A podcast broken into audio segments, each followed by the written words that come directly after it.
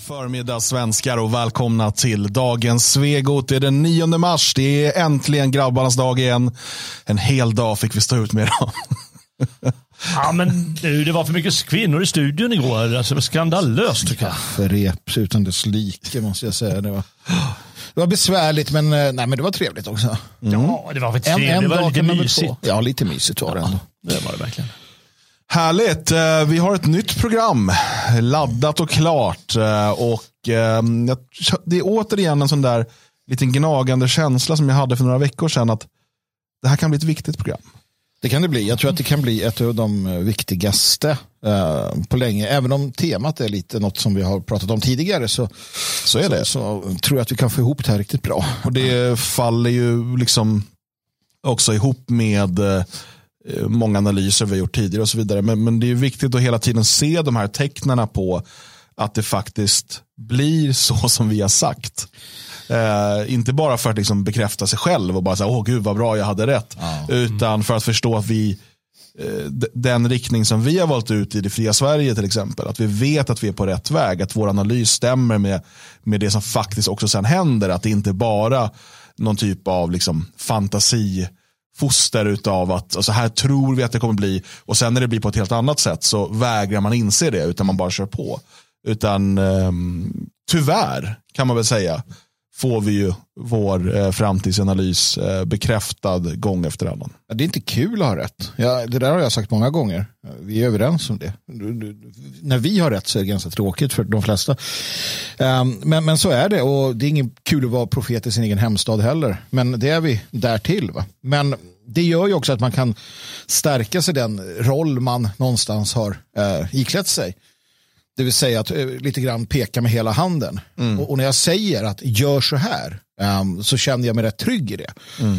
Eh, när jag liksom säger att ni måste bryta upp från era vanliga liv. så att säga. Ni måste förbereda er på en framtid. Ni måste flytta samman. Ni måste, ni måste skapa de här nätverken. Ni måste stenhårt nu eh, sätta igång att, att skapa sociala nätverk och, och lära er ta hand om varandra och, och skaffa en, liksom, en ekonomisk eh, vad säger man, redundans, en möjlighet att kunna försörja sig och varandra, att skapa alla möjliga eh, förutsättningar då för framtiden. Så vet jag att det, att det är så och då kan jag säga det med en viss emfas utan att känna att jag behöver eh, vara orolig för att jag kanske har fel. För det har jag inte. Nej, nej, nej, men det har du ju inte. Det är ju viktigt. Jag menar, det är bara att inse att eh, allting förändras. Ju. Det är ju bara så. Och eh, då finns det ju ett par vägar att gå. Antingen kan man snyfta åt det eller kan man vara lite sån här handlingens man. Jag menar de som, de som gillar att agera. Jag är inte den här praktiska mannen. Jag tycker de är lite jobbiga. va? De ska hela tiden hålla på med någonting. De är lite och jobbiga. Mecka, ja, man ska ju mecka med allting hela tiden. Men i alla fall, de, eh, de är ju bra på det sättet att ja, ja, men fan, ja, det håller på att ändras här. Ja, men då börjar jag genast eh, organisera och fixa och fixa och allt vad de ska. Och det måste man ju tydligen göra. Mm. Nej, det måste man och de där praktiska männen är ju bra att lära känna. Välkomna till bygglov. Absolut. Ja. Ehm, men det är inte det vi ska prata om idag. Nej, utan idag handlar det ju om eh, olika typer av handväskor. ja. Eh, vi ska kolla på några exempel på hur det nya klan-Sverige växer fram. Eh, och Det tar sig lite olika uttryck, men generellt sett så, så är det ju så att andra grupper än svenskar organiserar sig på etnisk nivå. Eller Åtminstone i mycket högre utsträckning än vad svenskar gör det.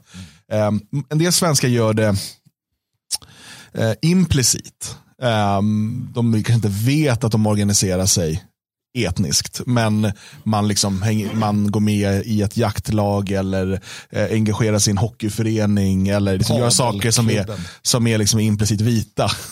Där man, eh, ja, eller så flyttar man ifrån stan eller förorten ut till något, eh, ut på landet för att det är lugnare och tryggare för barnen här. Det har ingenting med hudfärg att göra eller med, med eh, liksom, invandrare. Närmare naturen. Liksom. Ja, precis.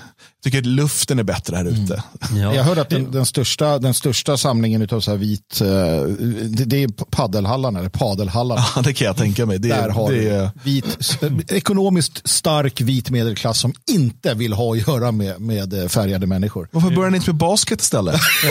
Ja, precis. Fundera på det. Ska jag ta golf, eller eh, tennis eller paddel eller ska jag ta basket? Nej, men jag tycker det är viktigt att du säger det här eh, organisera sig. Vi kommer ju prata om eh, den här organisationen kan man säga. Eh, hur, hur människor gör. Men det, det är inte så att människor organiserar sig utan de blir organiserade. Det gäller i synnerhet eh, de som är främlingar i Sverige. De, de blir ihopfösta på något sätt, hamnar på samma ställe och sakta men säkert utkristalliserar sig eh, organisationer eller klaner eller vad du vill kalla det för. Eh, av, av naturliga skäl, för att de alltid har gjort så eller för att de råkar fam- eh, hamna i varandras händer. Och det är egentligen likadant med liksom, de här hockeylagen eller andra eh, föreningar som man går med i. Att man, liksom, man blir tvungen att gå där i.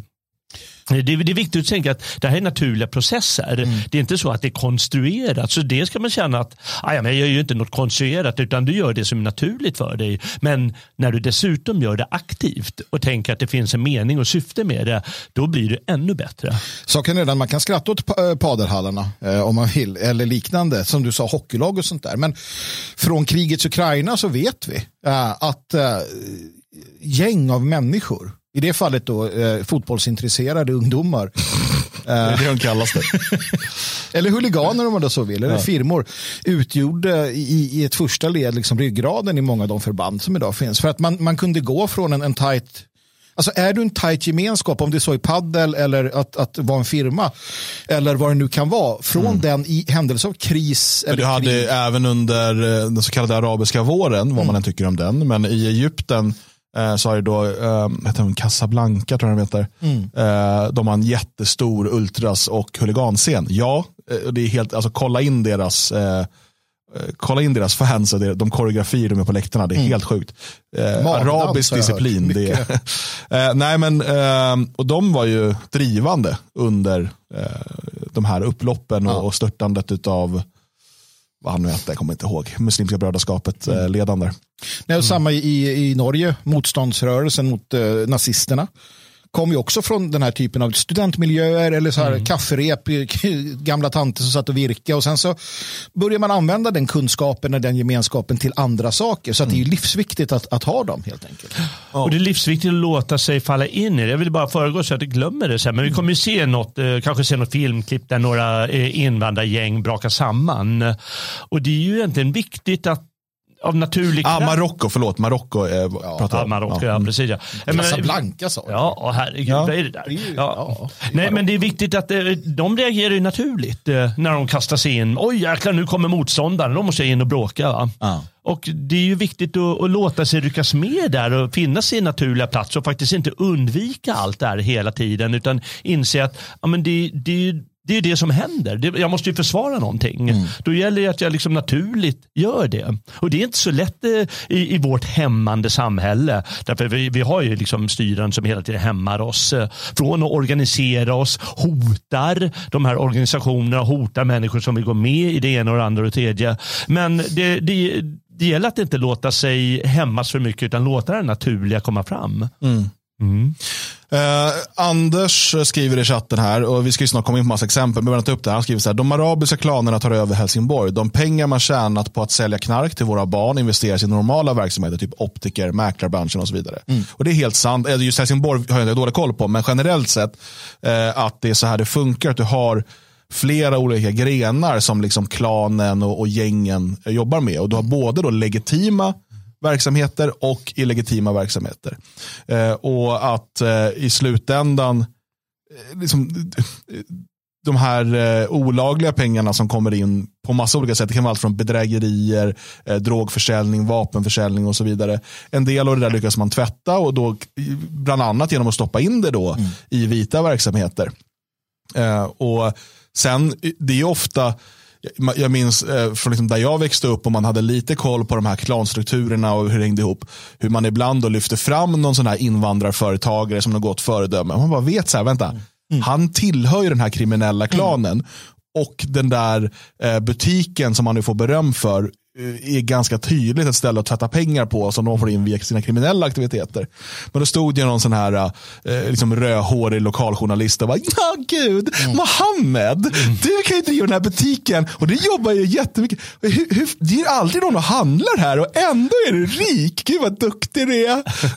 Men det är ju, det är ju, det är ju fantastiskt för att uh jag menar, själva grundidén, de har ju förstått att de inte är en del av Sverige AB. Själva grundidén är att, att vi, att vårt gäng, polisen, eh, får pengar via skattemedel och mm. kan du upprätthålla ordning. När du inte har skattemedel att driva in, då gör du på andra sätt. Det är därför alla, i, i princip alla typer av, eh, om det så är liksom terrororganisationer eller befrielserörelser eller gäng, alltid hamnar i att de måste begå vad man kallar för kriminella handlingar. Men, men alltså, eh, staten eh, tvingar ju till sig sina pengar genom sitt våldsmonopol. Mm. De tvingar till sig via skatt.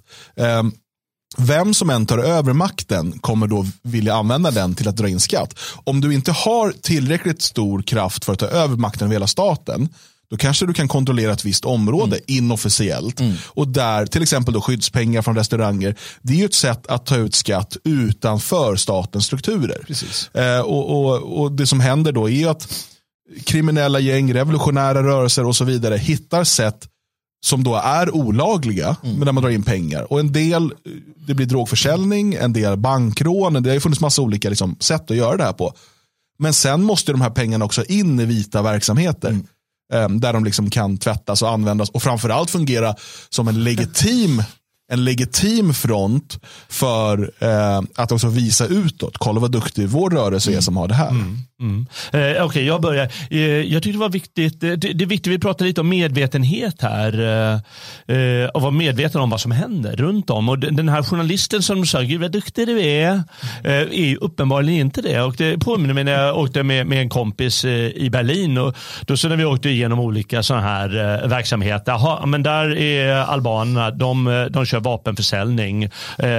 den här affären, bara så du vet det. Och så kommer vi till nästa affär. Ja, men det här är de och de håller på med pengar pengatvätt. Eh, och så gick han igenom lite olika grejer. Jaha, fan, det är ju bra. Varför vet man inte det egentligen? Alla borde veta att den här optiken är sponsrad av det mm. kriminella gänget och så vidare. Så att man kan göra sina val. Mm. Och det, det, borde liksom verkligen ingå i en allmänbildning och, och verkligen uppmärksamma mer. Mm. Problemet är att man kan ju inte, det är inte så, vem skulle liksom erbjuda den utbildningen för att staten måste ju upprätthålla ett sken av att ja. de inte har fallerat. Jag tänker det är intressant, Tina skriver, vissa får lov att och industriell brottslighet av socialistiska staten. Och det är kul för att om du tittar gamla Sovjetunionen som man tänker var så himla sådär eh, ovanifrån styrt.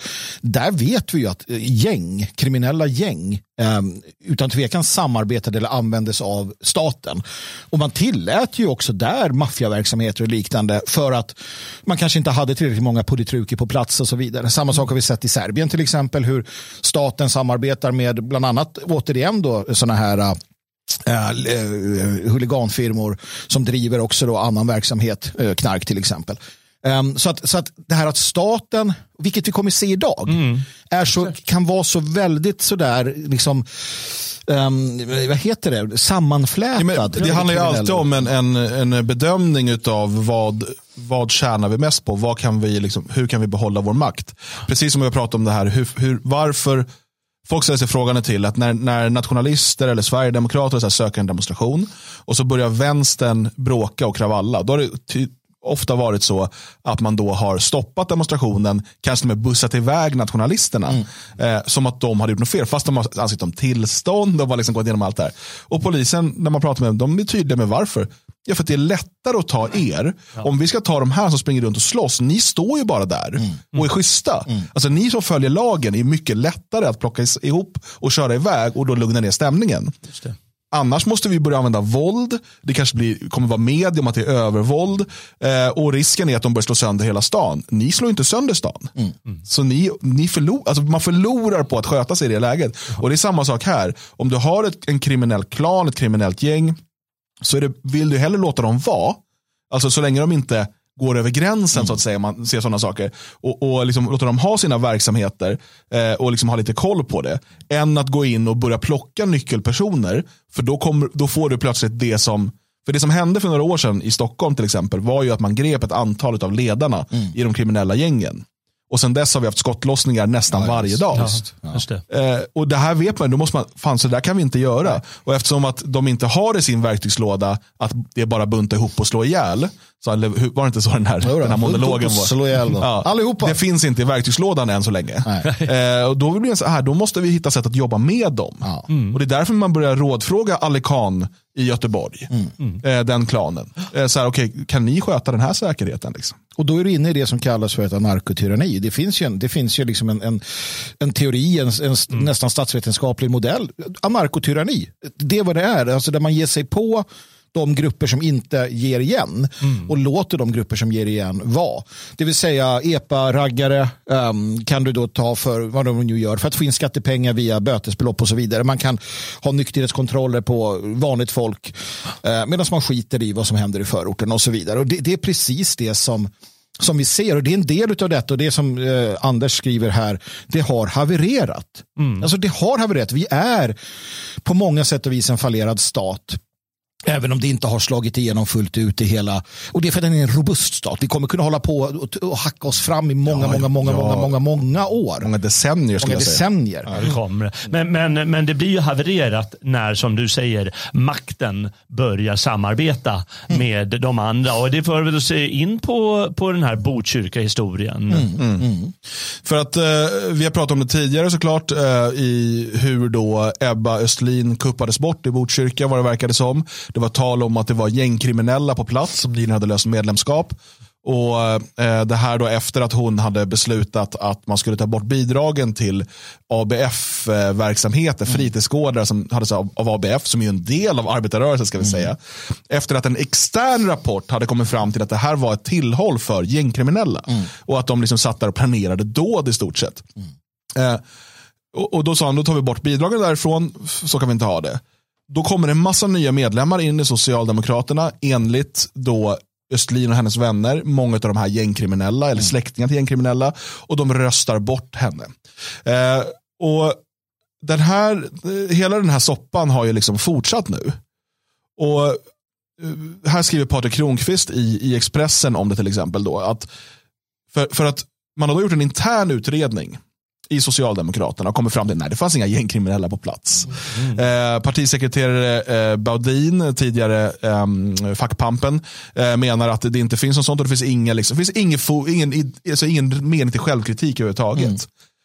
Inför årsmöten som ska hållas har det då kommit ett massor av nya medlemmar. Eh, och 98 av dem, tror jag det var nu, eh, har då blivit uteslutna. Mm. Och man hävdade då att inför att Östlin skulle bort, då var det så här, men har man varit medlem i 30 dagar, då har man rösträtt. Inför årsmötet, de som blir medlemmar nu, varav det verkar som att väldigt många av dem vill då rösta på Östlin. Hon som ville göra, lite grann då göra upp med de här gängkriminella. Eh, de utesluter man. Mm. Då går man in och liksom säger att nej, ni får inte bli medlemmar. Då, då gäller plötsligt inte det här alls. Att, att liksom bara bli medlem i 30 dagar så har du rösträtt. Utan då går man in och skyddar den pågående kuppen. Mm. Det intressanta här tycker jag är att Patrik Kronqvist slår huvudet på spiken för att han inleder egentligen sin han inleder artikeln här med analysen med att konstatera, och det är det här som man måste ha i åtanke, socialdemokratin, Socialdemokraterna är världens bästa parti på att inte bli kuppade. Ja. Alltså de har från start jagat och uteslutit och varit stenhårda. Det finns liksom inget parti i Sverige tror jag som, ja det är så Sverigedemokraterna som försöker, men alltså de, som han påpekar, de hade alltså en egen underrättelsetjänst för att hålla kommunisterna på mattan. Alltså sossarna kan det här. Och det är det som gör det så intressant att förstå då, när man kuppar henne och man släpper in de här människorna så vet man från partiet vad man gör. Precis som man nu vet vad man gör. Och som vi har sagt så många gånger, sossarna är ett maktparti. Det är det enda som spelar roll eh, i deras, i deras liksom värld. Och det är värt att ha med sig nu när vi förstår vad som händer. Det vill säga att de är medvetna om att kriminella, återigen, det är det här att här börjar vi väva ihop det.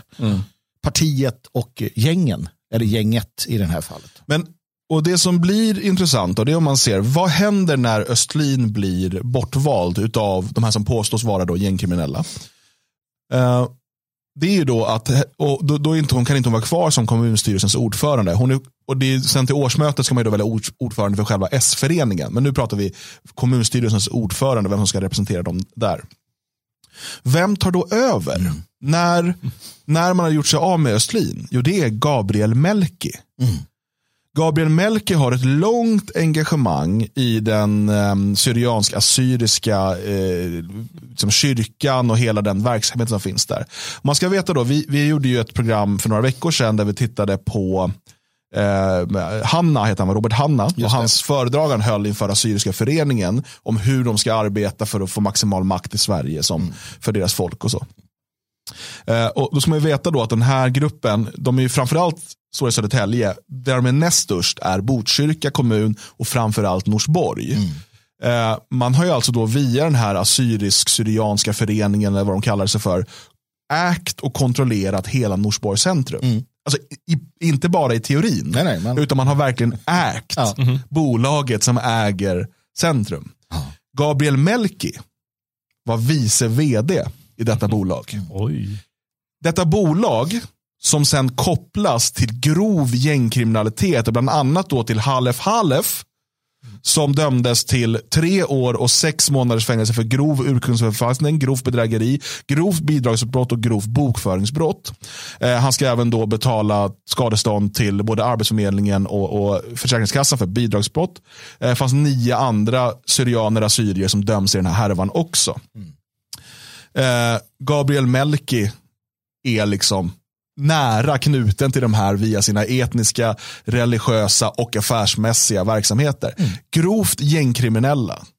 Mm. När sen då grovt gängkriminella anklagas för att ha organiserat sig för att kuppa bort Östlin så råkar deras folkfrände Gabriel Melki hamna på posten som kommunstyrelsens ordförande. Vilket är alltså den svenska motsvarigheten till borgmästare ska sägas. Mm. Det är den högsta positionen inom kommunens mm. eh, verksamhet. Plötsligt sitter klankamrat Gabriel Melki som mm. kommunstyrelsens ordförande. Och Socialdemokraterna på riksnivå, här ser vi inte att något konstigt har hänt. Nej, nej. Plötsligt nej. börjar Östlin organisera folk och säga, bli medlemmar nu, ni måste ja. ni komma och rösta så att inte de här kriminella får ta över.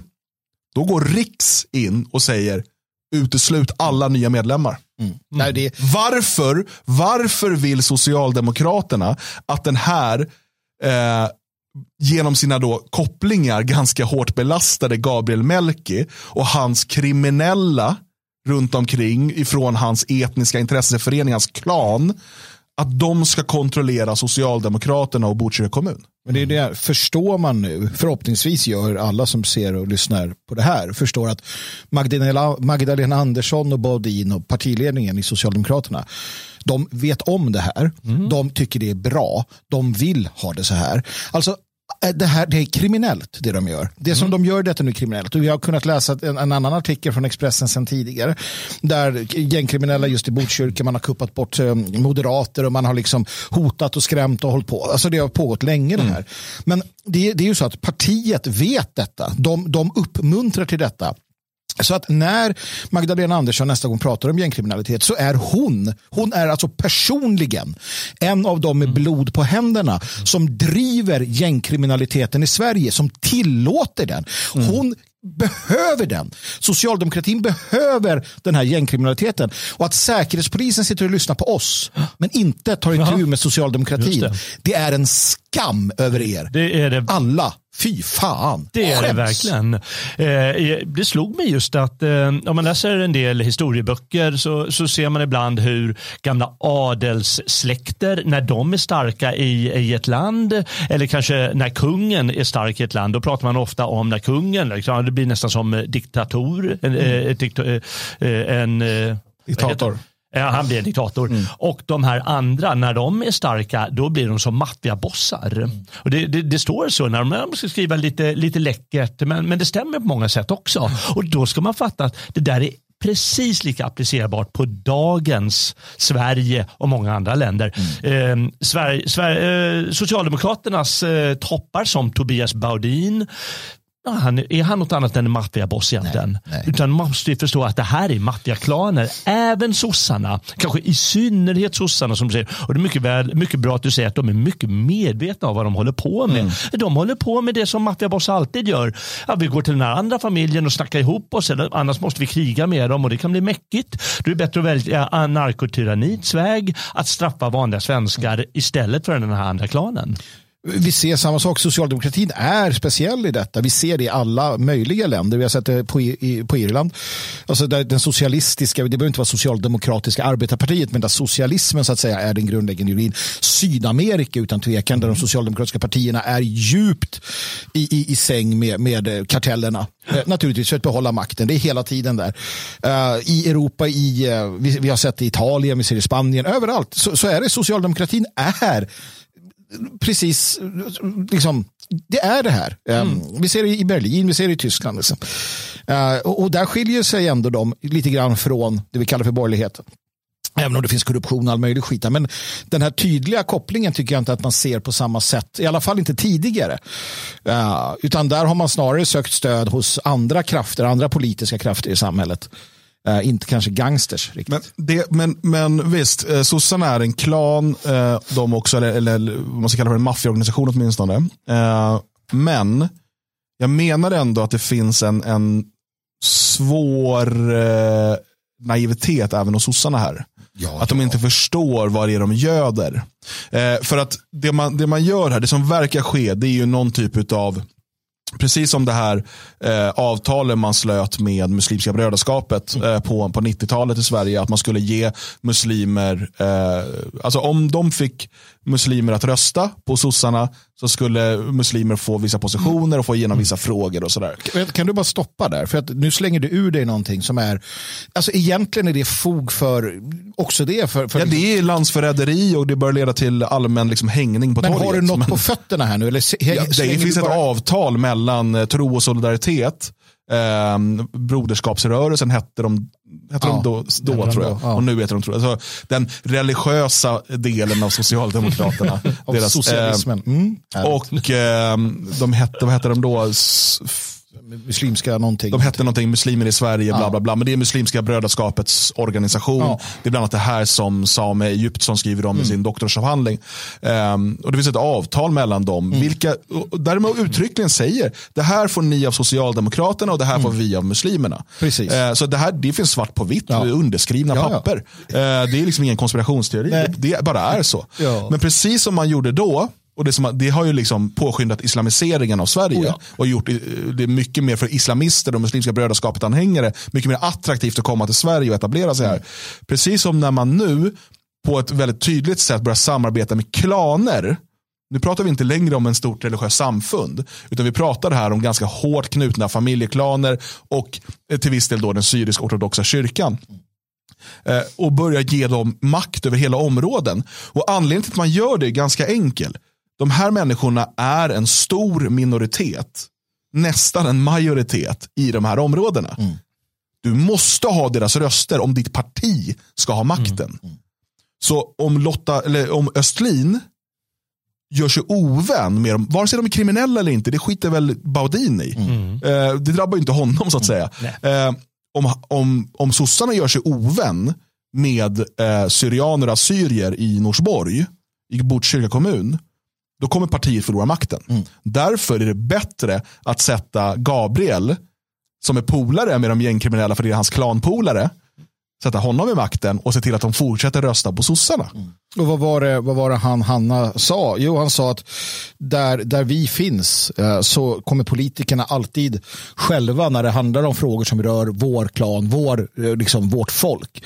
För att vi är många, vi utgör en stor del av dessa och där har man också då eh, både eh, våldspotential och, och mycket pengar eh, nedgrävda. Och jag bara kommentera Ja, nu ska vi se vad han försvann där. Men skrev att det var inga nyheter det här inte med det här avtalet. Jo, eh, avtalet mellan Socialdemokraterna och Muslimska brödraskapet är för väldigt många idag en, en, någonting de inte har någon aning om.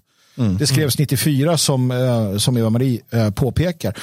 Frågar du folk idag om så här, ja, men visste du att sossarna gick in ett avtal med muslimerna om Nej, det skulle de ju aldrig göra. Fråga, fråga vilken sosseväljare som helst, de har ingen aning om det. Nej, nej. De bryr sig inte om det, de tänker inte på det. Men när man sätter sig ner och funderar på det, ja då inser man hur galet det är. Va? Så att det är väl värt att ofta återkomma till de här sakerna som man verkligen kan ta på. Och att media inte gör det, det säger ju allt om vad media egentligen eh, alltså vill. Men, men, och så här, och det finns ju då, då finns det den här idén om att ja, men sossarna kryper för islam. Det är inte så enkelt. Sossarna vill ha makten. Det är därför de här assyrierna och syrianerna som har tagit över Södertälje och Botkyrka, de är inte muslimer. De är kristna. De är ortodox kristna. Det är inte för att sossarna älskar islam. Det, det blir ofta den där förenklingen att det är det det handlar om. Nej, här ser de en viktig grupp de behöver få röster utav. Och eh, som sosse är man beredd att sälja sin mamma, sitt land, sitt, sitt folk. alltså, bara man får ha makten. För det är makten framför allt som gäller för de här människorna. Och, och det, är liksom, det är allt som betyder någonting. Och, och där, de, alltså, de, de flesta sossar de har ingen ideologisk övertygelse. De, de, har ingen, de, har ingen, de har ingen moralisk kompass. Nej. De är maktmänniskor. Alltså det här är, det är liksom det är den värsta sortens människor på helt fel plats. Ja, det är det utan tvekan. Ja, nej men eh, man får man kanske inte ska döma dem för hårt. Om man tittar på ett lite eh, på avstånd som en historiker gör. Historikerna kommer ju se de här händelserna ganska tydligt. Eh, låt oss säga om hundra år när de ska undersöka vår tid. Men vad var det som hände egentligen? Då kommer de hitta de här avtalen. De kommer se, eh, och så kommer de se hur sossarna förlorade makten. Du sa att men sossarna är, de, de är faktiskt naiva också. Det ska man inte glömma. För man, man kan dra jämförelsen med hur eh, högerpartierna i i, i Tyskland 1930 började samarbeta med nationalsocialisterna. Och då åkte de på en kryptonit så det räckte. Mm. Det trodde de aldrig, bla bla bla säger man. Och så, så var det andra som hade makten plötsligt för de var naiva eller vad man, kall, vad man kallar det för. Det, det, dels är det naturliga historiska processer. Vad ska de göra annars, mm. sossarna? De finner det den mest naturliga samarbetspartner som du sa där. Mm. Och eh, dessutom så är de naiva samtidigt på det sättet att de, de vet inte vad som kommer komma hända därefter. Mm. Det är ett livsfarligt spel de spelar. Det är väldigt intressanta processer och det är bra att vi sätter uh, ord på dem. Så är det. Jag tror att, jag tror att socialdemokratin de är skickliga maktspelare framförallt när det gäller politik. Men det är också så här att någonting vi märker och vi återkommer till det många gånger det är att man inte förstår Uh, idag speciellt så förstår man inte ras, etnicitet, kultur, religion. Utan man tänker politik. Och jag menar, vi, vi har den här polisen, uh, ska vi se vad hette han då, Gårdare där till exempel. Mm. Um, som i Fria Tider skriver om det här. Han, han pratar om det med gängkriminalitet och att det handlar om mask, toxisk maskulinitet i grunden. Det handlar om att man, män, män gör alltid så här. Mm. Och så berättar han att det är inget nytt det här utan jag åkte till Amerika på 90-talet och såg hur gängen där, gettojängen var. Och de var likadana som våra gäng. Och så säger han att ja, och för honom är då den, den gemensamma nämnaren det att det är män. Mm. Mm. Men för mig blir den gemensamma nämnaren ofta någonting annat när man tittar på den här typen av kriminalitet och hur den växer fram. Vad är det för män? Mm. För det är ju inte grabbarna från liksom Danderyd eller sådana som jag växte upp med. Alltså vita unga män, vi kunde vara fattiga, vi hade, det fanns kriminalitet, liksom, det fanns slagsmål och så, men det fanns inte den här andra aspekten. Och mycket av det här beror ju då på eh, etnicitet, det på, beror på härkomst, hereditaritet mm. och så vidare. och så vidare. Ja, och, och de eh, strukturer och kulturer som de här folken har skapat. Precis. Eh, och, och det är ju bara att titta på, det, det är ganska alltid roligt att kolla på den statistiken i USA eh, över vad det sker mest liksom, eh, skjut, eh, skjutmord och skjutningar och så vidare. Mm. Eh, och så lägger du över en karta där du kollar på vart finns det flest vapen. Mm. Det stämmer inte alls stämmer överens. överens. Det är liksom inte där det skjuts mest. Nej. Däremot varför bor det flest svarta? Yes. Där stämmer det överens. Mm. Och det är som att det farliga är ju inte vapen utan svarta. Om man ska tro de kartorna. Ja, man ska tro dem. Ja. Precis. och, men, men, det kan man ju aldrig, den, återigen, nu pratar vi verktygslåda igen. Mm. Gårdare har inte de här, han kan inte, ras, etnicitet, religion, allt det där får inte finnas med i verktygslådan. Mm. Och då finns det ju bara, alla människor är lika. Det finns en skillnad, det är att det finns män och kvinnor än så länge. Ja, det är på väg bort också. Mm. Um, för det här är väl en, his en historisk manlig norm. Det är mm. det, så som män var en gång i tiden. Det är det. Uh, så det måste vara det, för det är ju män som är överrepresenterade. Så det måste vara att de är män som är förklaringen. Precis, och det, det finns ju en sanning i att vi män är, alltså vi är som vi är, absolut. Ja, ja. Men, men, men i det sammanhanget, så om du inte kopplar på de här andra sakerna som du sa, alltså kultur, klan och ras till exempel, eh, då förstår du ingenting som gårdare. Och han, ja, han gör ju skäl för sitt efternamn. eh, Ja, verkligen. på alla sätt och vis. Han är, ju, han är ju en gårdare i själ och hjärta. Verkligen. Eh, nej, man måste ju fatta krafterna. Alltså, det är klart att det finns mycket, mycket mer kraft med ett gäng som är sammansvetsat eh, både kulturellt och eh, eh, etniskt. Det är väl alldeles självklart. Ras är skitstarkt. Vad skulle det annars vara? Vad är det första vi gör då? Men om du åker till eh, Nairobi och går runt där och sen träffar du en vit kille, då går vi fram till honom. Ja, det är klart det är ju gör. så enkelt, det är Ja. inte konstigare än så. Eller om du hör någon tala samma språk som du gör. Ja, oj, fan, du snackar svenska. Precis. Därför att det är det första vi ser och det är det som för oss samman. Det är ofattbar kraft eh, det, där. Och därför kommer sossarna i längden, de kommer ju åka på spö. Ja, ja visst, visst. Men den här naiviteten då, den är ju... För det, det det är ju inte... Vi, vi kan ju ondgöra oss när, när han, vad hette han då, den där jävla partiledaren i sossarna. Partiledaren? Ja, Löfven. hette han. När han sa vi har varit naiva och alla bara, "Äh, det har vi inte. Jo, men det har vi också. Alltså inte vi kanske just, men svensken är ju eh, dum på det sättet. Och det är ett rasdrag också delvis. eh, faktiskt, om man tittar på vårt folk. Men Eskil, han, eh, mina vänner. Ja men Eskil, för Ja, fan. alltså, det här är så svårt. För nu, nu kommer vi återigen att vi ska prata klan-Sverige och den svenska naiviteten. Eh, vi har pratat tidigare om det här överfallet eh, utanför badhuset i Lund. Eh, en kort resumé bara. Invandrarungdomar inne i badhuset håller på och trakasserar och till och med sexuellt trakasserar svenska barn. Eh, sliter av flickor, små flickor, alltså 10-9 år vad de var. Sliter av de trosorna, eh, eh, badbyxorna och sådär. Eh, och det, de försöker se till väktare, och, eller, det- de bryr sig inte, det är väl samma klan kanske som förövarna.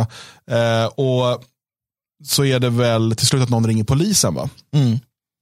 Eh, och det som händer är bara att de här blir då ut, eh, utkastade så att säga. De får, de får lämna badhuset.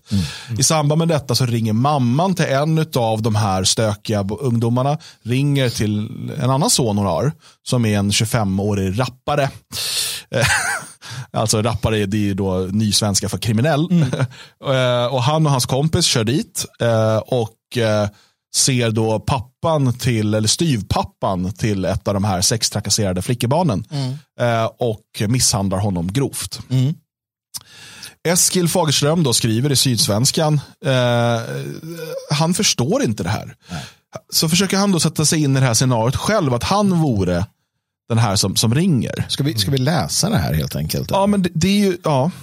Det är, det är nästan som en skräckhistoria, men Ja. det kanske är, skapar en spänning. Han säger så här, det som verkligen får hjärnan att koka över är de skruvade interaktionerna i den familj som är sensatt i själva misshandeln. Jag försöker tänka mig in i situationen, vilket är rätt svårt, men ändå. Nu försöker han då. Jag, pappa Eskil, är på badet med min 14-åriga son. Han beter sig som en idiot och kränker andra badare, inklusive barn. Någon säger till honom och vi får lämna badet. Vad göra? Trösta min son med en glass, be badpersonalen framföra en ursäkt, hålla in ett allvarligt snack om hur man beter sig på badet, dra in månadspengen? Nej, inte alls. Nu är det hämnd som gäller. Så jag ringer omgående upp min andra äldre son. Kom hit skitfort, säger jag. Ni måste slå den dumma mannen från badet. Det var säkert så hon sa. Ja, verkligen. Min son som är 25 år gammal och anställd som elevassistent på en skola i Malmö är naturligtvis med på noterna. Ja, han den här rapparen var alltså anställd som elevassistent eh, på en skola. Han assisterar och hjälper elever. Han tar hand om elever i skolan. Självklart ställer han upp när jag ber honom slå en okänd medmänniska sönder och samman på öppen gata en vanlig lördag i augusti. Självklart har han en gammal kompis som gärna hjälper till. Självklart har han tid för detta just nu på stubinen. Efter lite bilkörande är min son och hans polare framme i Lund. Att de suttit i bilen en stund har inte fått dem att reflektera över om det är rätt, lagligt, farligt, rimligt eller ens särskilt gynnsamt för deras egen framtid att misshandla och sparka ner någon inför en massa vittnen. Inklusive offrets egna barn, mitt i Lund. Nix. Min son och hans polare störtar ur bilen, tar sikte på mannen jag pekat ut och vevar igång. Om pappa Eskil har sagt det, då får det bli så. Ja, ja, det finns mycket här att säga. Han är helt oförstående till Han att det här kunde ske. Och det är ganska enkelt varför. Det Eskil gör är att han försöker applicera svensk vit logik på ett klanfolk.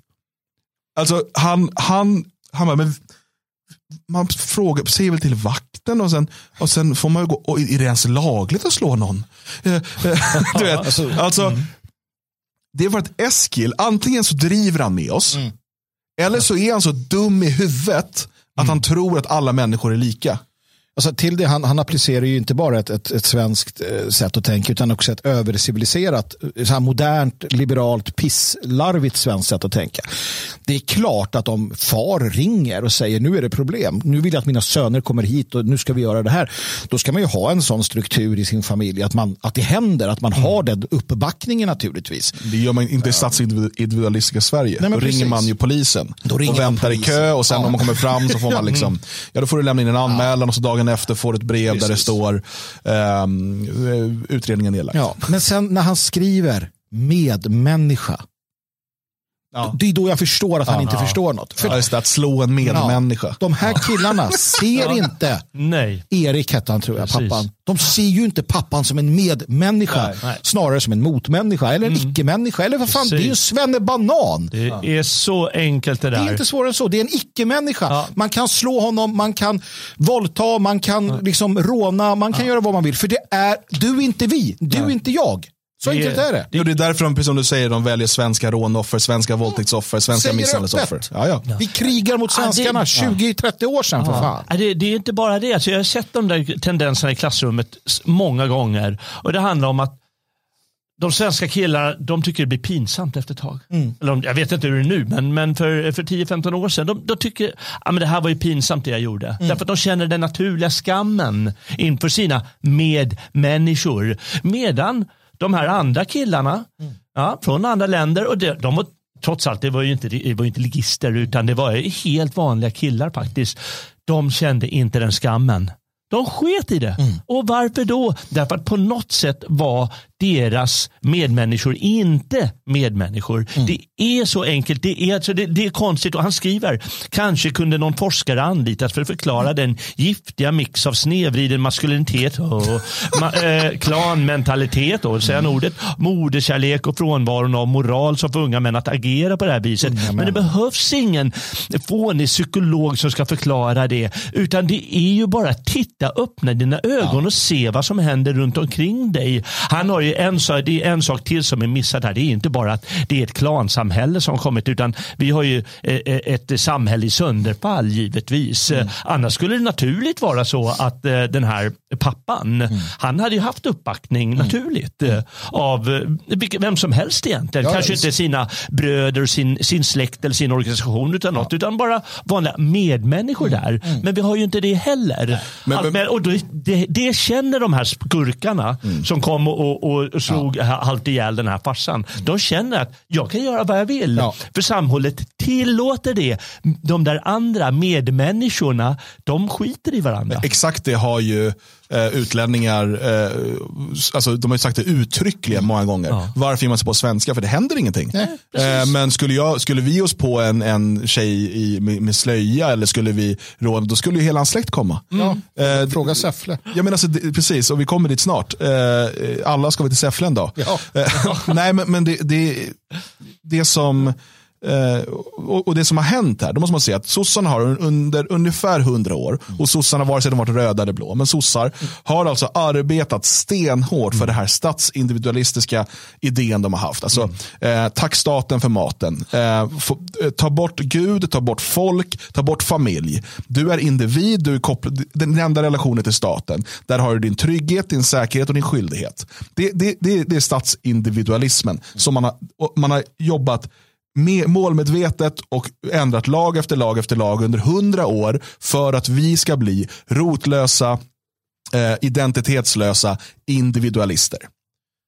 Sen 1975 beslutar man att Sverige ska bli en mångkultur och på 90-talet drar eh, massinvandringen igång på allvar.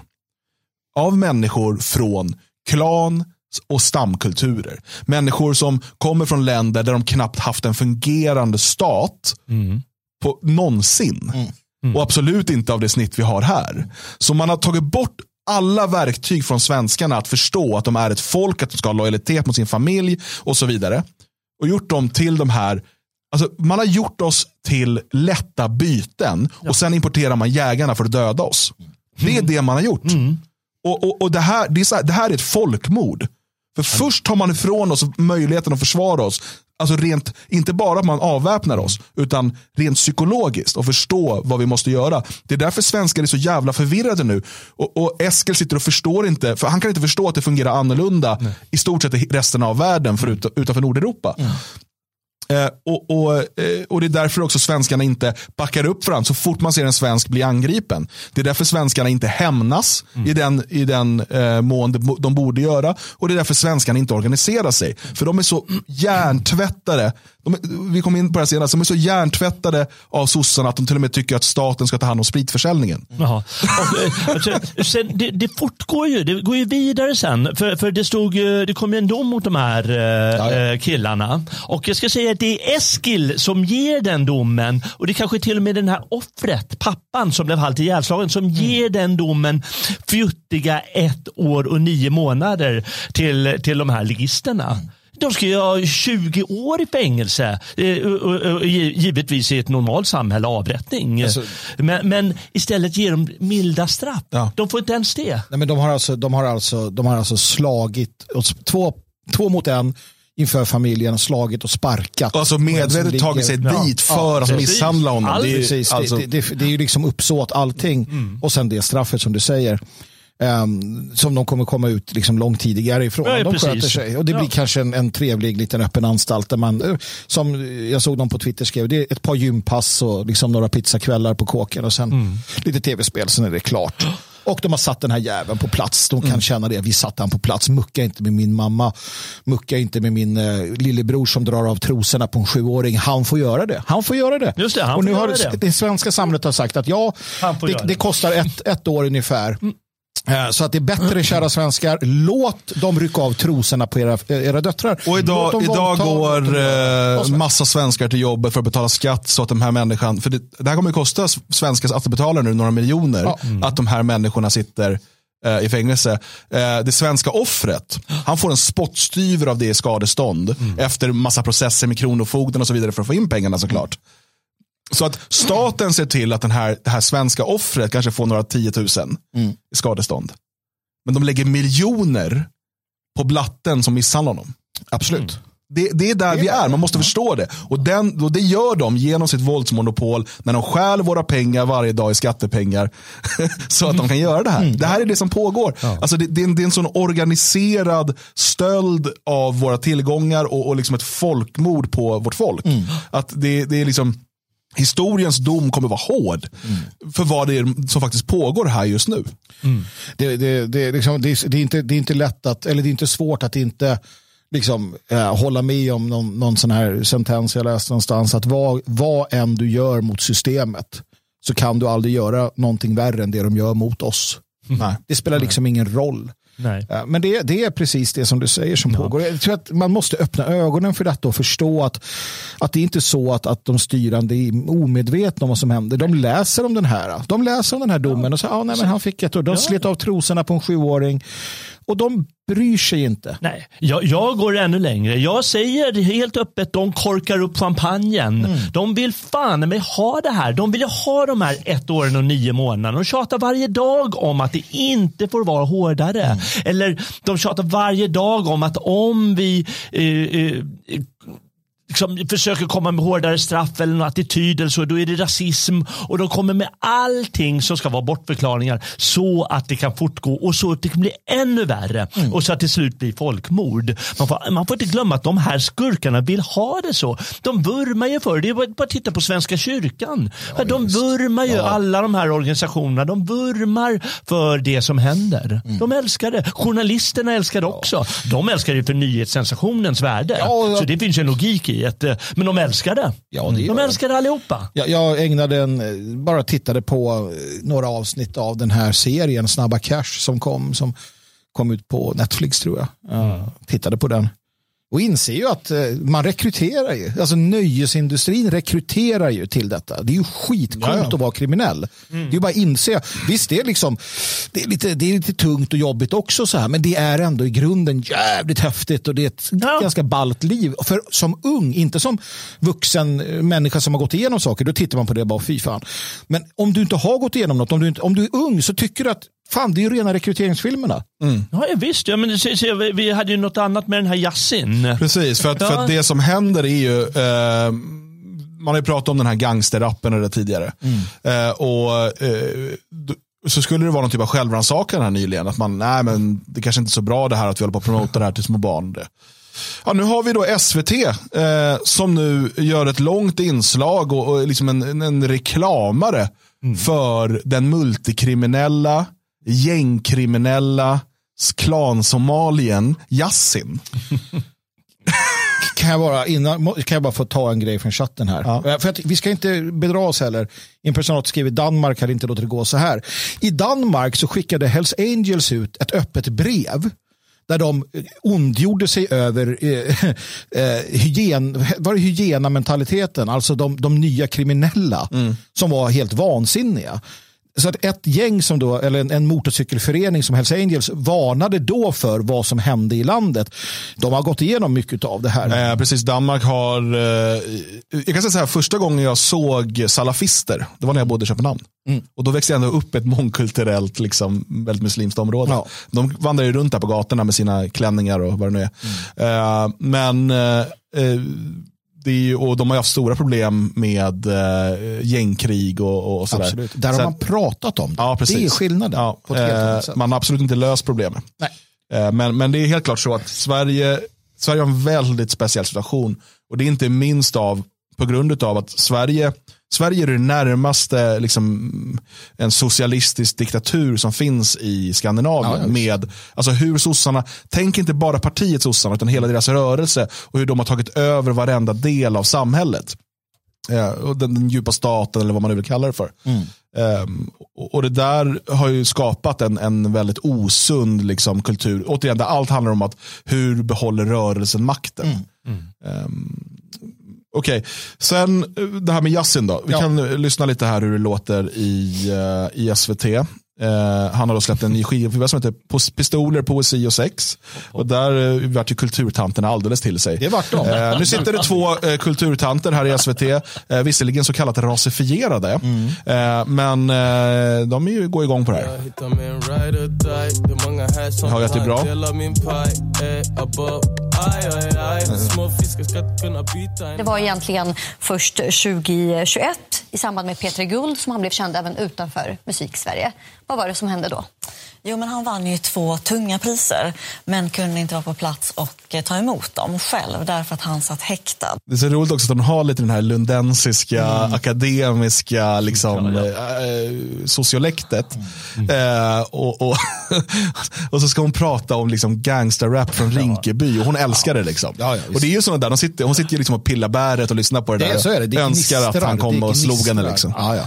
Misstänkt för förberedelse till kidnappning av en annan stor rappare, nämligen Einar. Vi ska säga det också att Yasin dömdes ju sen till tio månaders fängelse just för förberedelse till kidnappning av Einar.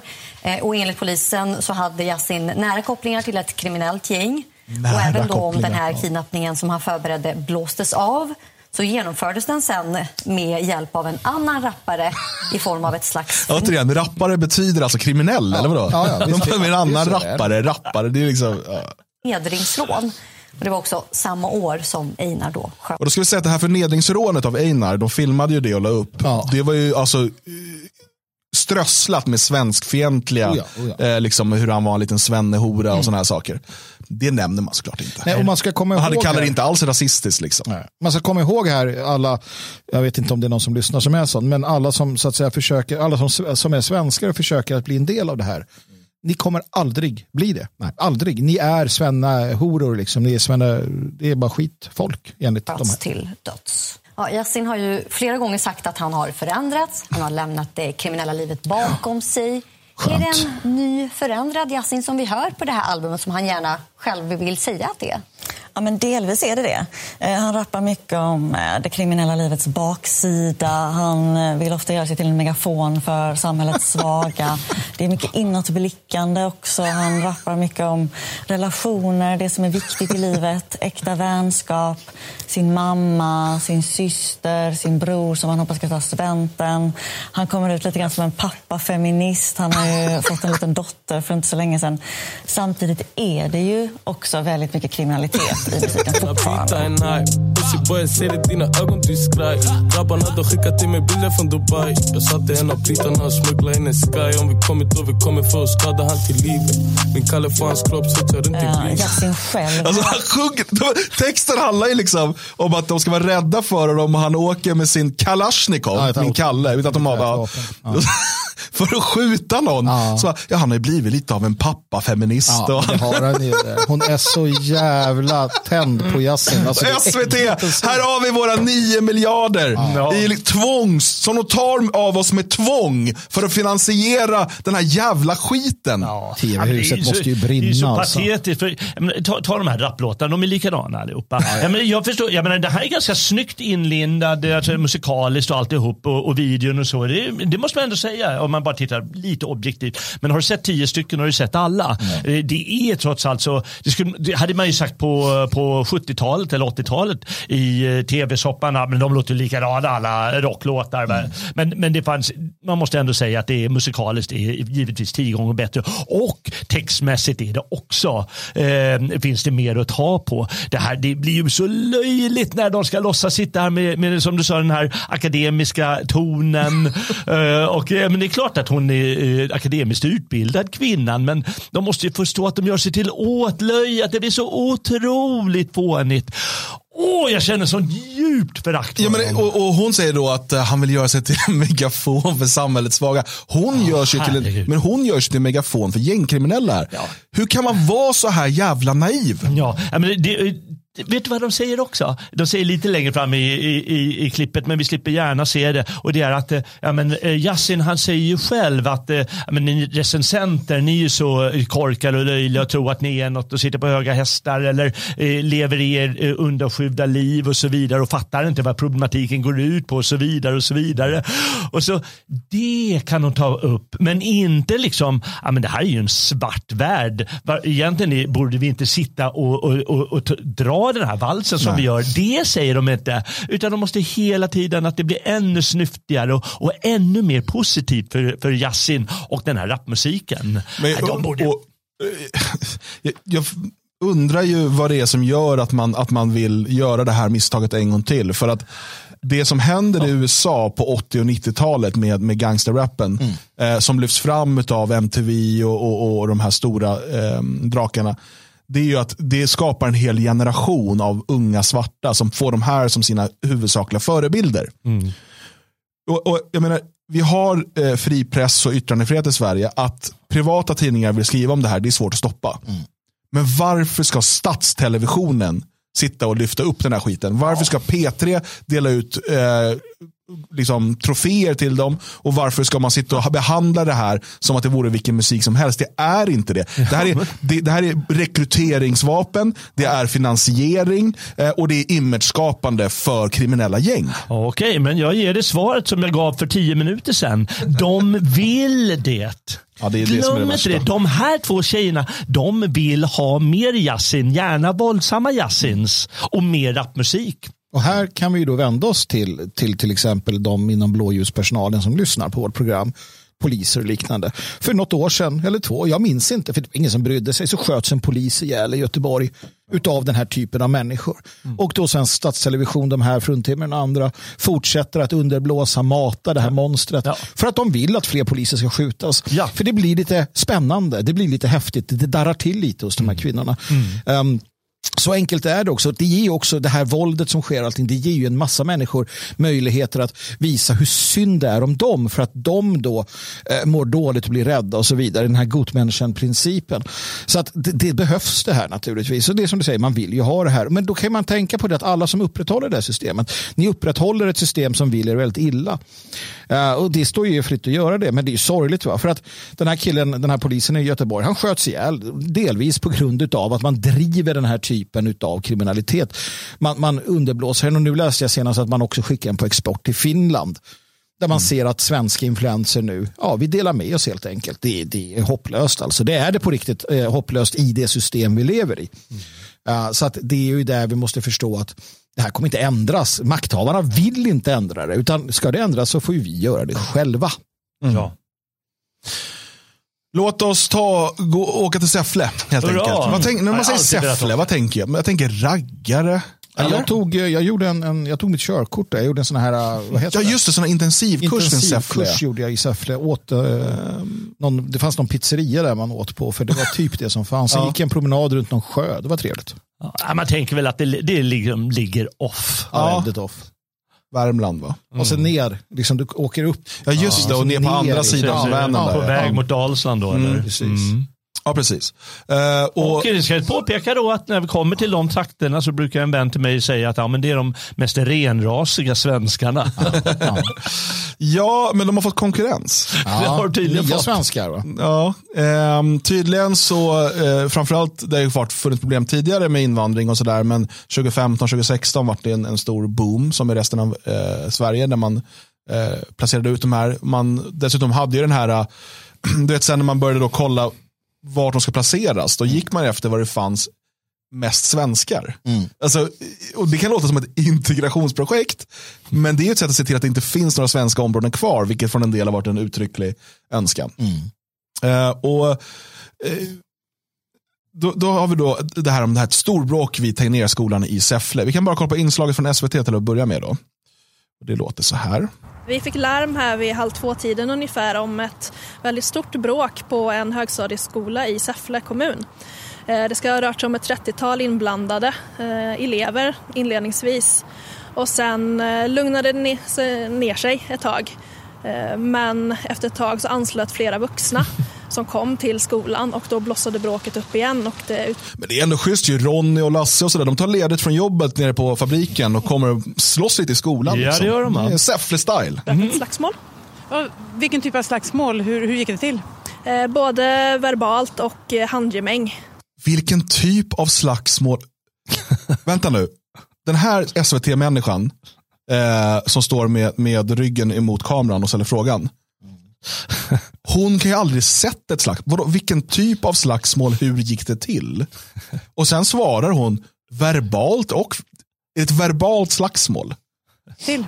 Eh, Både verbalt och eh, handgemäng. Så vi har ett par som är lindrigt skadade. Och hur många vuxna var det som tillslöt? Eh, Ett antal vuxna. Antal. Vad låg bakom bråket? Det vet vi inte i nuläget utan det är någonting som utredningen kommer att få utvisa. Vi är på plats Utvisa. fortfarande och kommer att vara på plats ett bra tag till och höra personer som har varit inblandade i händelsen. Och hur agerade övriga skolan? Eh, Lärarna tog med sig övriga elever in till sina hemklassrum och satt där tills bråket var över. Okej, eh, vi kan bara titta på ett klipp. Eh, det är inte från skolan, utan det här är då vad jag förstått helgen innan. Där eh, man, eh, det, det har då varit ett bråk mellan två grupperingar. Eh, och, eh, eh, ska vi se här, vi kan få på lite ljud också. Vi kan ta det från början. Det här är då en del av upprinnelsen till det här bråket.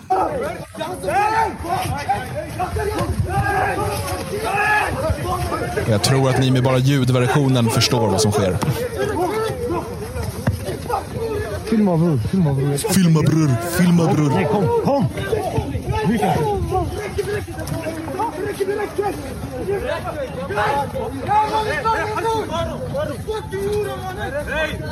Fucking hurra mannen. Okej, och det ska ha skett lite fler saker också. Men det här är ett av, eh, en av upprinnelsen. Då. Vad det handlar om är två olika grupperingar av utlänningar. Oklart om de är liksom av olika etnicitet, och sådär, om det är det som är grunden eller om det bara är kompisstruktur eller vad det är. Eh, men det som händer här är alltså att det här bråket fortsätter sen i skolan. Varpå föräldrar och släktingar från båda sidor tar sig till skolan och det blir slagsmål. Elever, alltså ungdomar och vuxna som börjar liksom slå varandra. Aha. Och jag frågar bara, vad tror du ska hända om du tar en massa grupper från de här länderna som dessutom givetvis är arbetslösa. För de som de påpekar, eller som du påpekar, man tog ledigt från jobbet och stack för att och, och dra några smockor. Nej, så vad ska de annars göra? Ja, det är väl det de gör då. Jag vill påminna bara för att återigen så tycker jag att vi ska sätta ett ansikte på det som händer. Du var inne på det Dan, att man, att man medvetet placerade människor på ett visst sätt och så, under Mm. flykting, den stora flyktingkrisen. Jag vill påminna vad Jenny Madestam skrev i Expressen eh, 2014. Eh, den 13 juni, närmare bestämt. Jenny Madestam, statsvetare, boende i Södertälje. Eh, hon skrev det ska inte längre vara möjligt att bo i en vit kommun. Hela Sverige ska vara öppet för människor som söker sig hit. För dessa människors skull, för alla Sveriges kommuners skull och för att ett mångkulturellt samhälle är bättre än ett homogent. Hon skriver det i samband med att hon vill att det kommunala självstyret avskaffas eftersom att kommuner inte ville ta emot flyktingar och invandrare och utlänningar. Jenny Madestam fortfarande verksam på Södertörns högskola. Hon kanske inte har drabbats nämnvärt illa av det här, jag vet inte. Men det är den typen och det var den typen och det är fortsatt den typen av idéer från framförallt, måste jag säga, kvinnor eh, inom den här eh, akademiska eh, sfären. Som på, alltså, hon säger det, det ska inte vara möjligt att bo i en vit kommun. Punkt. Och de lyckades driva igenom detta. Då måste ju Jenny Madestam, jag vet att de inte har en logik, eh, jag ska inte säga kvinnor utan sådana som Jenny pratar jag om. Mm. Eh, hon måste vilja att eh, alla vita, också, alltså alla vita människor, de ska också vara delaktiga i det här slagsmålet. Eh, Och alla sådana här slagsmål, eller hur? Varför ska de undantas? Nej. Alla ska vara med och slåss och bråka för att någon blir lite stött eller någonting. Ja, för att, för att eh, det är bättre. Säger Det är ju bättre. Alla ska göra som de här killarna i Lund och slå, ihjäl- halvslå ihjäl Mm. en pappa. Alla ska hålla på på det sättet enligt Jenny Madestam. Nej, men förräderiet går så djupt och det är enskilda människor som bör pekas ut som indirekt eller direkt ansvariga, förutom politiker. Sådana som har drivit de här frågorna år ut och år in och fått som de vill. Vi har ju hon Moa till exempel som skrev Reinfeldts tal och som flyttade till en vit eh, förort i Moa Berglöf. Ja, Moa Berglöf. Alltså de människorna, och framförallt så är det återigen då eh, den här typen av liksom innerstadsbruttor som, som som går lösa. Liksom. Jag, jag, det, det där är en helt Haha. annan diskussion varför, det, varför de är som de är. Va? Om det är någon kvinnlig masochism eller någonting. Jag, jag vet faktiskt inte. Alltså nå- nå- någon, någon form av... Jag tror bara att de är korkade om man ska vara ärlig. Ja. Riktigt jävla puckade. Ja, men det är hela den här, alltså den feministiska, som vi var inne på det igår, den här viljan att göra det sämre för sig själva. För det är det de gör. Eh, och den här liksom kärleken till mångkulturen och rapparna. Vi har sett dem sitta i tv med så här fuktiga blickar. Det finns ju ett jättekänt klipp där hon, hon är så betagen den här svenska De reportern. kryper upp i soffan. Kryper precis upp med benen och så här närmare och så här. Ja. Ögonen bara, alltså det, det är helt, det är absurt att se det här. Alltså jag skrev här förut, eh, naivitet plus vurm Ja. är farligt. Ja. Och det är vad vi har hela tiden att tjata om sin naivitet och de vurmar Ja. något djävulskt för det här. Ja. Alltså det är livsfarligt. Ja, det är en osund, en osund, eh, det, det är något osunt i detta som det moderna samhället har uh, liksom förskänkt i, i människors själar som får dem att bete sig. Så jag vet inte. Eh, men i alla fall, det var vad hon sa. Hon fick som hon ville, Jenny Madestam. Eh, det finns inte en vit kommun längre. Det finns de som är bättre och sämre, men det finns inga vita kommuner. Hon, Nej, hon, hon nej och så är det. Eh, det ska, hela Sverige ska förstöras, det är, liksom, det, det är målet. Eh, men det vi ser här i Säffle, det är ju, eh, det behöver inte vara formella klaner i den mening som man tänker på Alikan. Däremot så handlar det om klanstrukturer, människor från den typen av samhällen eh, där man pratar om familjeheder och så vidare. Och där, för de människorna är det rimligt att om deras son eh, är inblandade i ett slagsmål på skolan, att de också tar sig dit och börjar spöa folk. Eh, jag har dragit den historien tidigare, men bara kort då när vi blev beskjutna i, i Skogås. Eh, det hela börjar med att några av vår grupp eh, tidigare på dagen eh, har skällt ut ett par av turkarna. Inte slagit dem och sådär, men skällt ut dem och för att de har försökt sälja droger till några yngre medlemmar i Nationaldemokratiska ungdom som jag var där då, nere i centrum. När vi sen kommer till centrum flera timmar senare, vi ska gå från en kräftskiva vi haft, så står eh, invandrargänget och väntar på oss, anfaller oss, det blir slagsmål och vi lyckas jaga iväg dem, eh, så att säga vinna slagsmålet, eller vad man nu ska kalla det för. Och då tar det bara någon minut eller två innan det kommer alltså mamma, pappa, farbror och du vet, de har sprungit bort till turkiska föreningen som ligger runt hörnet. Och de bara väller ut med skjutvapen. Nu ska vi dö. För att nu har vi liksom vanhedrat dem. Först har de på att stoppa deras affärer. Och sen har vi dessutom lyckats ge deras, eh, deras liksom ungdomar stryk när de försöker attackera oss. Mm. Nu ska vi dö. Och så fungerar de här människorna. Och om du inte förstår det, då kommer du vara ett, ett, ett lätt byte i framtiden. För det är precis det som hände i Säffle där, precis det som händer i Lund. Det är samma strukturer bakom kuppen i Botkyrka. Du får inte vara naiv inför det här. Du får inte tro att Sverige är det som politikerna beskriver det som, eller det Sverige var för 50 år sedan. Och Du kan inte sitta och tro att du genom politiskt engagemang kommer kunna förändra Sverige till att bli ungefär som det var för 50 år sedan. Glöm det. Du kan inte ens engagera dig i Socialdemokraterna i Botkyrka om makten i socialdemokratin har bestämt att det är bättre att liera sig med kriminella gängen för de har tillräckligt med, med, med röster. Så att var inte naiv, slösa inte bort din tid på massa onödigheter, utan fundera på hur kan vi få tillbaka en klanmentalitet? Hur, hur kan vi kasta av oss det här, det här statsindividualistiska oket och faktiskt börja fungera som en klan, en stam, ett folk igen. Och med vi menar jag inte sju miljoner svenskar som finns i vårt land. Vi måste inse att väldigt många av de här biologiskt sett svenskarna, de är ointresserade av en svensk framtid. De, de är inte beredda att lyfta ett finger för det. Många av dem, betydligt fler än vad som just nu arbetar för motsatsen, alltså som arbetar för, för ett svenskt Sverige, arbetar för att genomdriva det här. De är starkt motiverade att byta ut det svenska folket. De hatar allt svenskt, allt europeiskt, allt vitt. För de är så förstörda i sina hjärnor av den här propagandan som ja, den långa marschen genom institutionerna har eh, tvingat på oss.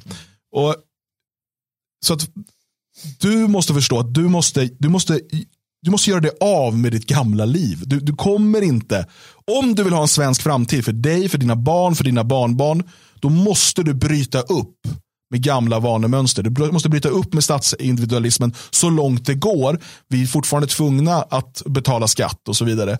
Tills vi har blivit tillräckligt starka, tillräckligt många inom en region, inom ett område som man faktiskt kan förändra något. Fram tills dess måste vi ändå organisera oss för att kunna vara trygga, för att ingen ska kunna jävlas med oss eller våra barn eh, och för att vi ska kunna kontrollera de områdena.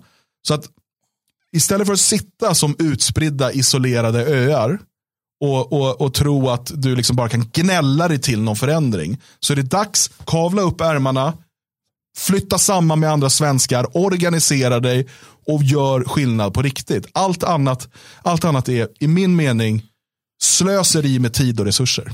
Det finns, um, ja absolut, jag håller med. Och som hjälp, förutom då vi som finns här på plats, naturligtvis, vi sätter in en liten eh, reklamannons här för eh, vårt arbete i Elgerås med Fria Sverige, så får vi också tips här i chatten. Eh, Affe statistikblogg har en väldigt bra genomgång av de, de kommuner, de platser i Sverige som kommer vara mer eller mindre lämpade. Och ja, om du tittar på din kommun och så ser du att det kommer vara 40-50 procent eh, utlänningar om, om 10, 15, 20 år.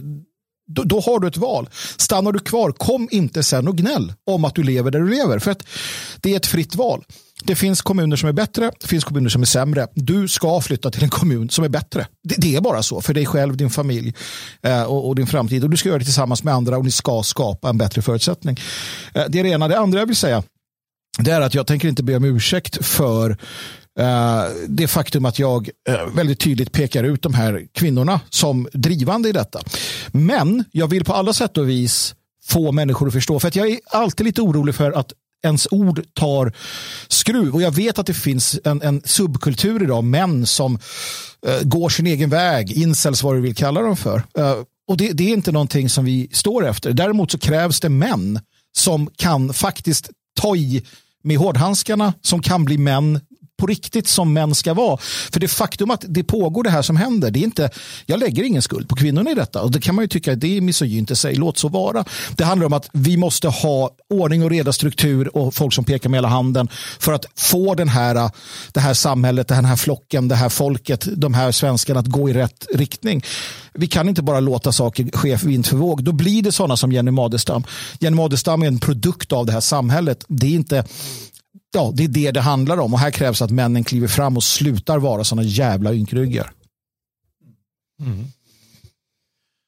Ja, svårt att säga emot. Eh, jag får ta det imorgon. Imorgon är det eh, fredag va? Precis. Och då ska Jalle vi... ska inte vara med. Nej, det ska Nej, jag tänker skolka. Ja, det är fredag. Ska, ska supa. Ja, jag ska börja tidigt den här gången. Va? Sist var jag började först klockan fem. Det var skandalöst. ja, nej, vad är det jag ska göra? Jag ska göra någonting. Ja, då... Jo, jag ska köra lite propaganda i skolan. Just det. Propaganda. Skola, skolvärlden. Nej, jag ska, jag ska åka dit och göra lite roliga grejer. Ja, det blir, eh, det, det låter spännande. Um, men eh, jag och Magnus ska väl klara av att köra ett program imorgon. Eh, vi vill gärna testa något nytt. Det vill vi göra. Um, Fredagar är testdagar och vi har inte fått några förslag på vad vi ska testa imorgon. Nej, men vi är beredda att um, gå väldigt långt. I värsta fall kommer jag göra något, hitta på någonting och då kan Magnus bli rädd. Ja, precis. Jag ser hellre att ni, jag, jag, jag litar mer på anonyma lyssnare än på Dan Eriksson. ja. Eh, men eh, klockan 10 är det som gäller imorgon också och ehm, sen eh, blir det väl någon typ av helg efter det. Om du är medlem i Det Fria Sverige eller blir det så ska du också gå in och kolla under evenemang nu. Det ligger ett 20-tal evenemang utlysta. Eh, och inte minst eh, vårt sommarläger, vår hembygdshelg här i norra Skaraborg. Eh, det kommer vara tre eh, riktigt eh, härliga dagar tillsammans. Eh, det är väldigt begränsat med platser för att vi ska kunna genomföra det så bra som möjligt. Så att anmäl dig snarast. Det är den 3 till 5 juni. Sen får man jättegärna stanna kvar också och fira nationaldagen här den 6 juni eh, om man eh, så önskar. Mer information på detfriasverige.se och friasvenskar.se.